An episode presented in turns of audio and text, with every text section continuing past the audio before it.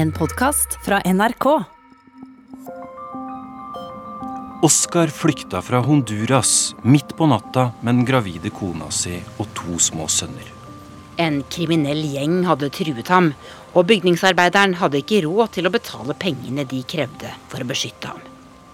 Nå øyner hundretusener som Oscar nytt håp om et liv i USA med Joe Biden som president. Men Biden kan vel ikke slippe inn alle sammen, selv om han vil avskaffe Trumps innvandringspolitikk. Hva kan USA gjøre for å stanse folk fra å legge ut på en livsfarlig flukt gjennom Mellom-Amerika? Og hva gjør myndighetene i Honduras egentlig, der selv presidenten er beskyldt for kokainsmugling? Du hører på Krig og fred med Tore Moland. Og Tove Bjørgaas. Bueno, mi, mi nombre es Oscar Edgardo Chapas Zúñiga, eh, originario de, de Honduras. Eh, tengo 32 años. Oskar han er en mann på 32 år fra San Pedro Sola. Han har eh, kone og tre barn. Og for eh, litt over et år siden så mista han jobben i bygningsbransjen. Eh, og like før det så hadde disse Maras-gjengene kommet til han og krevd penger fra han, såkalt beskyttelsespenger. Så han betalte altså nesten halve lønna si til disse gjengene. Men da han mista jobben, så klarte han ikke å betale mer. Og da sa de at uh, hvis du ikke betaler oss, så dreper vi deg eller familien din. Jeg heter Inger-Marit Kolstad Bråten. Jeg er utenriksjournalist her i NRK. Og jeg har vært i både El Salvador, Honduras og Mexico og dekka migrantkrisa der i flere år. Denne uka så har du snakket med Oscar Chapas, som kommer fra Honduras. Fortell litt mer om han. Han forteller at før han ble trua av Marasengene, så var han og kona et lykkelig par. Éramos eh, una, una, pareja con mi esposa muy, muy, muy feliz. Eh, eh, nos divertíamos, salíamos a comer. De gikk ut og spiste, de gikk ut og koste seg som man gjør over hele verden når man er lykkelig og forelska. Selv om det da også selvfølgelig var eh, farlige områder hvor du ikke kunne gå inn, så levde de et eh, relativt normalt liv. Inntil Maras-gjengene kom og krevde penger. Så han hadde ikke planlagt i mange år at han ville flykte til USA? Ut fra det han sier, så hadde han lyst til å være i hjemlandet. Det tror jeg de aller fleste har lyst til, hvis det er mulig.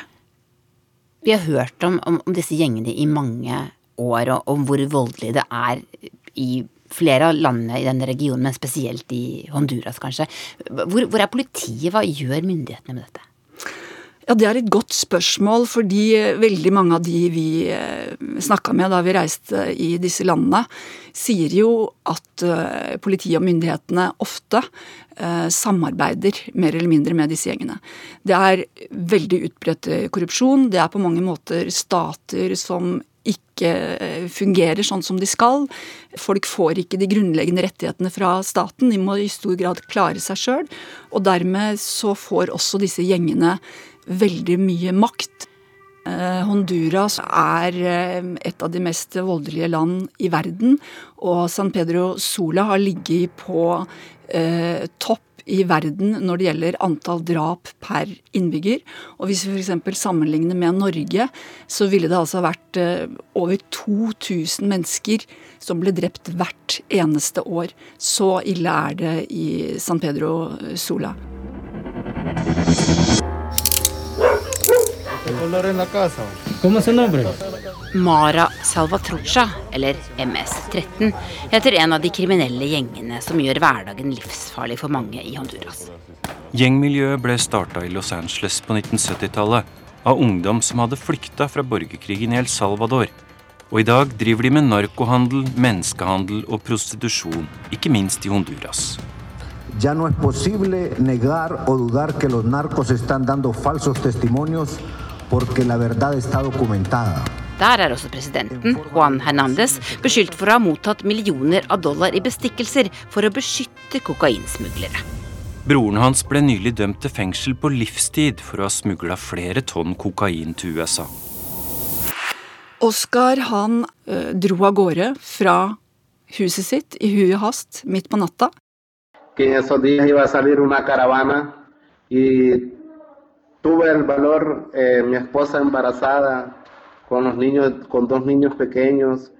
og ble med i en av disse første eh, migrantkaravanene, altså hvor flere migranter slår seg sammen for å reise mot nord, mot USA, i håp om et bedre liv. Fortell om disse karavanene. Hvordan, hvordan er dette organisert? Hva, hva er en karavane? Eh, Det er jungeltelegrafen litt eh, som går, eh, sånn at folk som tenker at nå orker jeg ikke dette livet med vold og fattigdom lenger, de hører kanskje om andre som eh, også vil forlate landet, og så sprer ryktet seg om at noen drar, og så drar de flere og flere sammen. Og dette oppstod jo for et par år siden, for før det så var jo migranter veldig, veldig utsatt på denne reisa mot USA. Det ble kalt verdens farligste reise. Veldig mange ble kidnappa av narkokartellene i Mexico. De ble utsatt for utpressing, og det var rett og slett en veldig farlig reise, og veldig mange av kvinnene ble voldtatt. Hvis vi ser på kartet, hvor går reiseruta til Oscar og familien fra Honduras? De må da krysse Guatemala eh, før de kommer inn i Mexico. Eh, fra Mexico eh, opp til den amerikanske grensa så er det over 2000 km. Det er ganske langt hvis du skal gå mesteparten av veien. Mange har nok sett disse bildene av migranter som, som går langs eh, støvete veier med en liten ryggsekk og kanskje et barn på skulderen. Og hvis de har litt mer penger, så tar de bussen. Og har de enda mer penger, så betaler de menneskesmuglere eller såkalte coyotes for å komme raskere opp til grensa. no pues nos tocó, nos tocó trabajar un buen tiempo para, para poder subir hasta acá. De dro stort sett eh, med buss, eh, men de måtte stoppe i Mexico for å jobbe, for å tjene mer penger for å kunne reise videre. Og da jobba han eh, på en tacorestaurant, og det siste barnet ble altså født i Mexico. Ja, for kona var gravid, så da fikk hun barn når de var der? De fikk barn i Mexico, ja. Og hvor endte de opp da? Da endte de opp i eh, Matamoros, en eh, liten by helt på grensa til USA. Det er nærmest en tvillingby med den amerikanske byen Brownsville.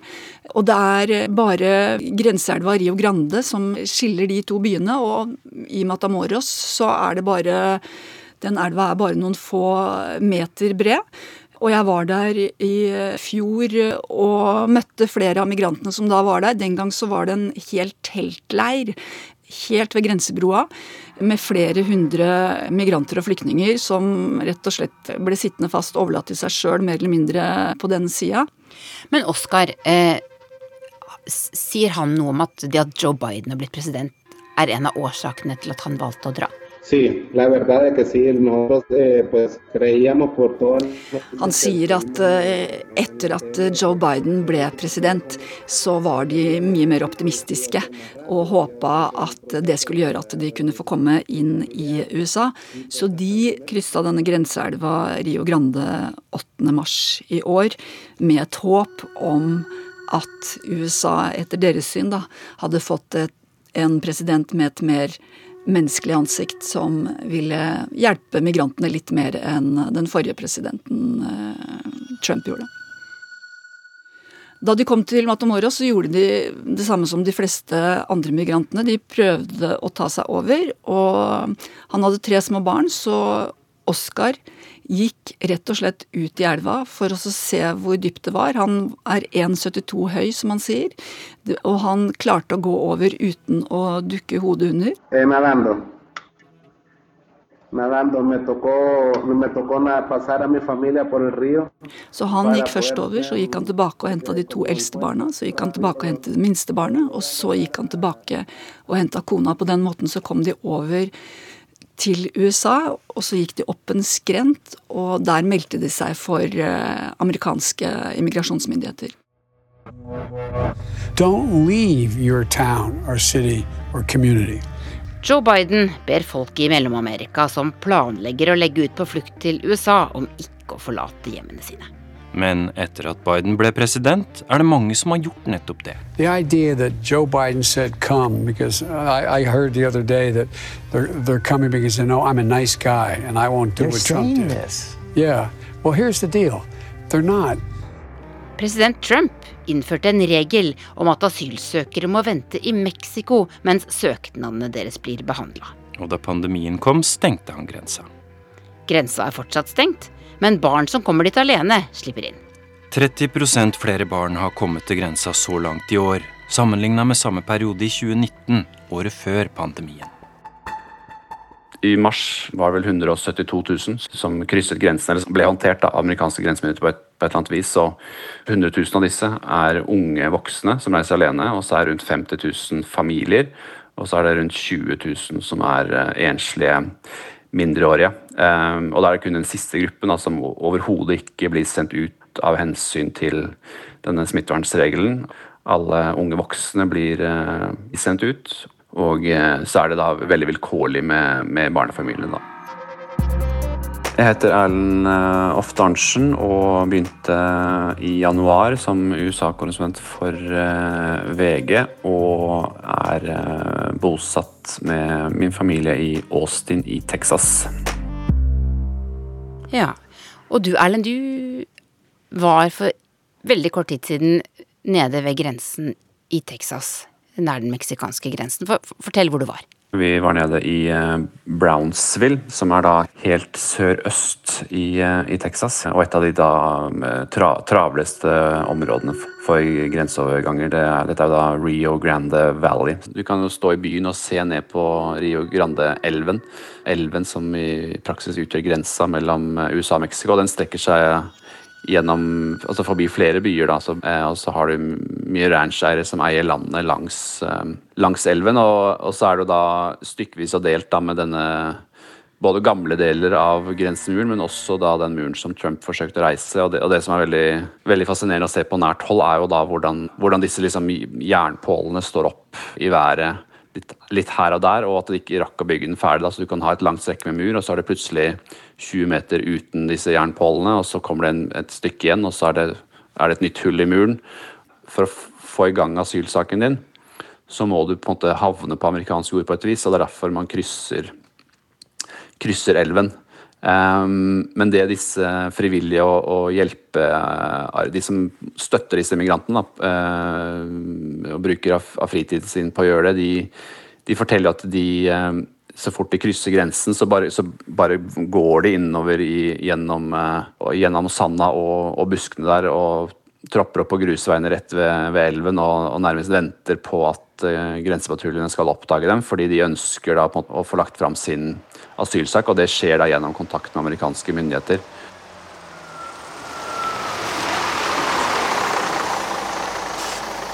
Det er jo en, en busstasjon, en helt vanlig busstasjon i, i Brownsville, hvor busselsk, amerikanske busselskaper kjører nordover i USA. og Der uh, kommer det inn de sa mellom 150 og 250 uh, personer hver dag. og Dette er da bare barnefamilier.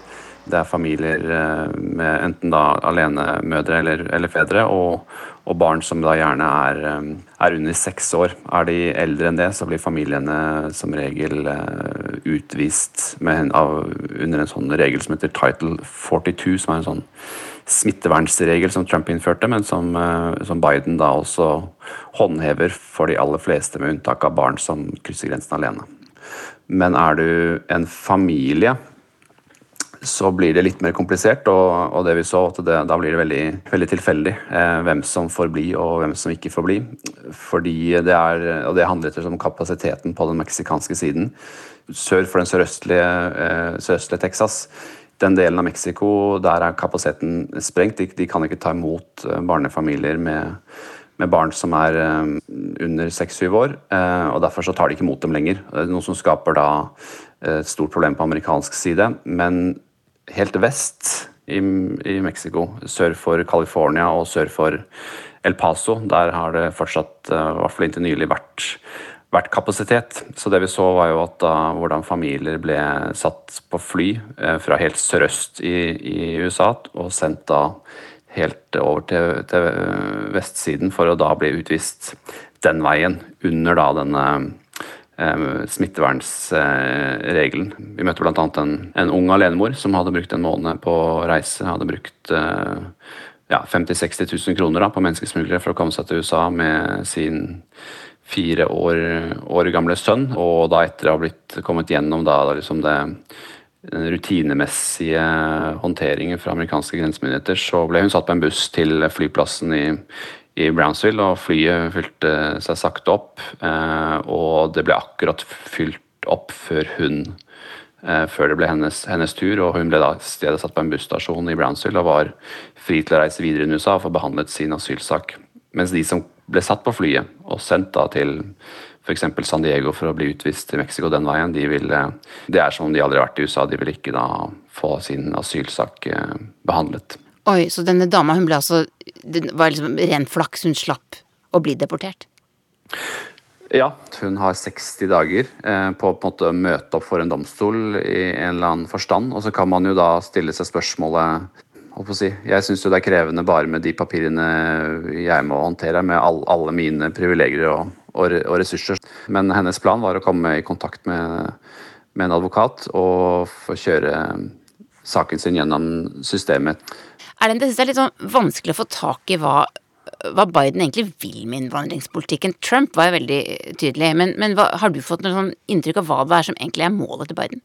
Det, det man har sett er at Han har på en måte haltet etter hele veien etter utviklingen. At han ikke, aldri kom på offensiven uh, der. Altså Han hadde jo en veldig offensiv uh, valgkampanje hvor han hvor han kom med en del, en del, en del lovnader som har vist seg vanskelig å følge opp i praksis. Så kan, det han vil, er vel å, å gjenreise USA som en sånn en sånn eh, omsorgsfull, men rettferdig kjempe. Men når alt kommer til alt, eh, og når kapasiteten sprenges, så har han endt opp med å lene seg på praksiser som Trump, eh, Trump innførte, da, som f.eks. innebærer eh, massiv utvisning i tusentalls av, eh, av barnefamilier som ikke får anledning til å, å få prøvd sin asylsak. En liten gutt kommer gående mot en patrulje fra grensepolitiet i ørkenen i Texas nær grensa mot Mexico. Kan dere hjelpe meg, sier han gråtende til politimannen som filmer.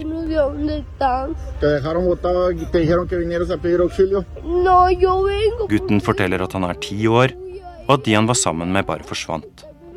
Jeg ble satt igjen her for å overgi meg til dere, sier gutten før han bryter helt sammen. Ahorita, ahorita, ahorita hablamos, okay? Historien til ti år gamle Wilton fra Nicaragua har gått verden rundt etter at videoen til grensevaktene ble delt.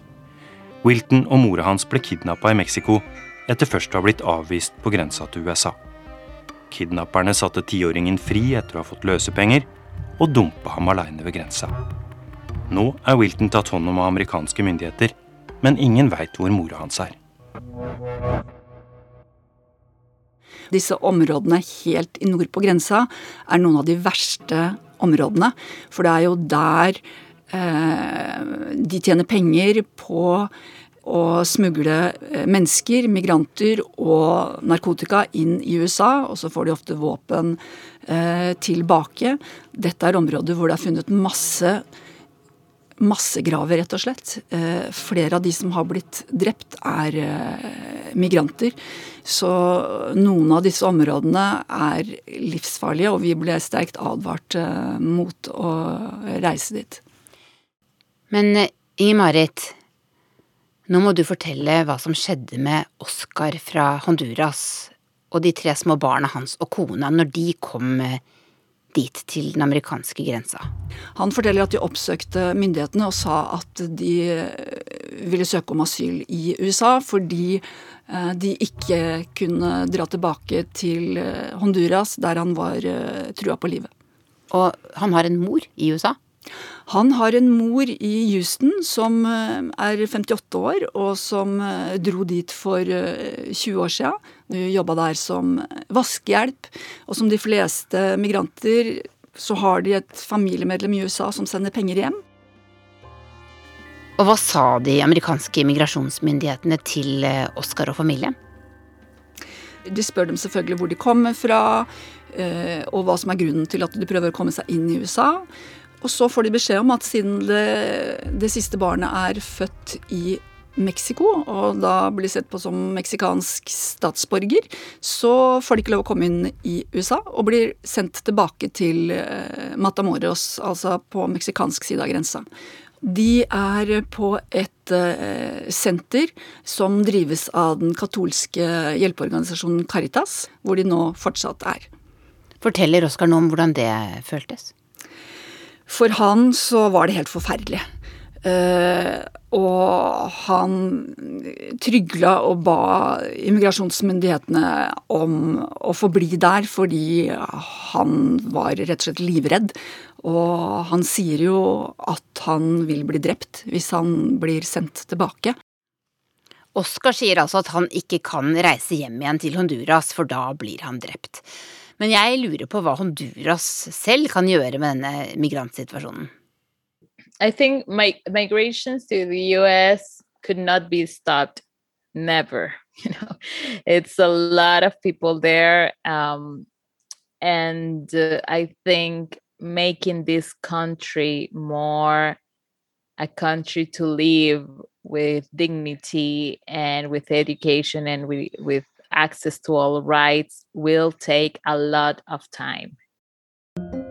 My name is Jennifer Avila. I'm chief editor in Contracorriente, um, media outlet that I that I founded in 2017, and I'm based in I'm based in Tegucigalpa right now, uh, in Honduras. So during the pandemic, everything changed. Uh, the, the economic crisis went worse. A lot of people just lose their jobs in the maquilas or in the fields and everywhere. But then with these these uh, these floods because of, of the storms in in in the last months of the year, they just lose everything. A lot of people they say I don't have a country to come back. I don't have a house. Jennifer Avila hun er redaktør for en nettavis i Honduras, og hun forteller meg at eh, folk legger ut på den livsfarlige ferden mot USA nå fordi den økonomiske krisa i landet er blitt enda verre med pandemien, og i tillegg så ble Honduras rammet av to store orkaner før jul i fjor. Everyone in Honduras has family in the US? Yes, yes. Who is the people helping you to flee? Your family in the US. A lot of people helping their family, their relatives here in Honduras that have lost everything uh, just to go to the US. So, yes, a lot of people is traveling to the US because there's the family connections, and uh, a lot of people, like everyone here in Honduras, have migrants in in their families.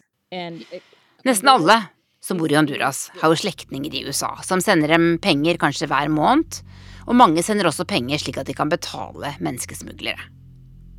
Det Jennifer håper på, er at Joe Biden kan hjelpe til med kanskje å stanse noe av korrupsjonen som narkohandelen skaper. Men hvordan skal han klare det når selv presidenten er mistenkt for å være involvert i kokainsmugling? now with Biden, maybe there's some policies and some people working for building uh, a more strong justice system or a commission against impunity in the region. Maybe that could be some hope for people working here in the country. But yes, it's difficult. Yes, it, when when when Biden's government um, says that they want a commission, an, independent commission against uh, corruption and impunity, then you say yes, but with, with, with whom are you working with? Voy a tener un futuro para mis niños también, de que estudien, que, que, que, que vivan bien. Så hva sier han om, om hva, hva, tenk, hva han tenker å gjøre nå? Han sier at de venter og håper og med Guds hjelp så håper de å komme seg inn i USA. De er jo veldig troende katolikker, de fleste som kommer sørfra. Og veldig mange av de sier det. Med Guds hjelp så håper vi at vi får oppfylt ønsket om å komme inn i USA.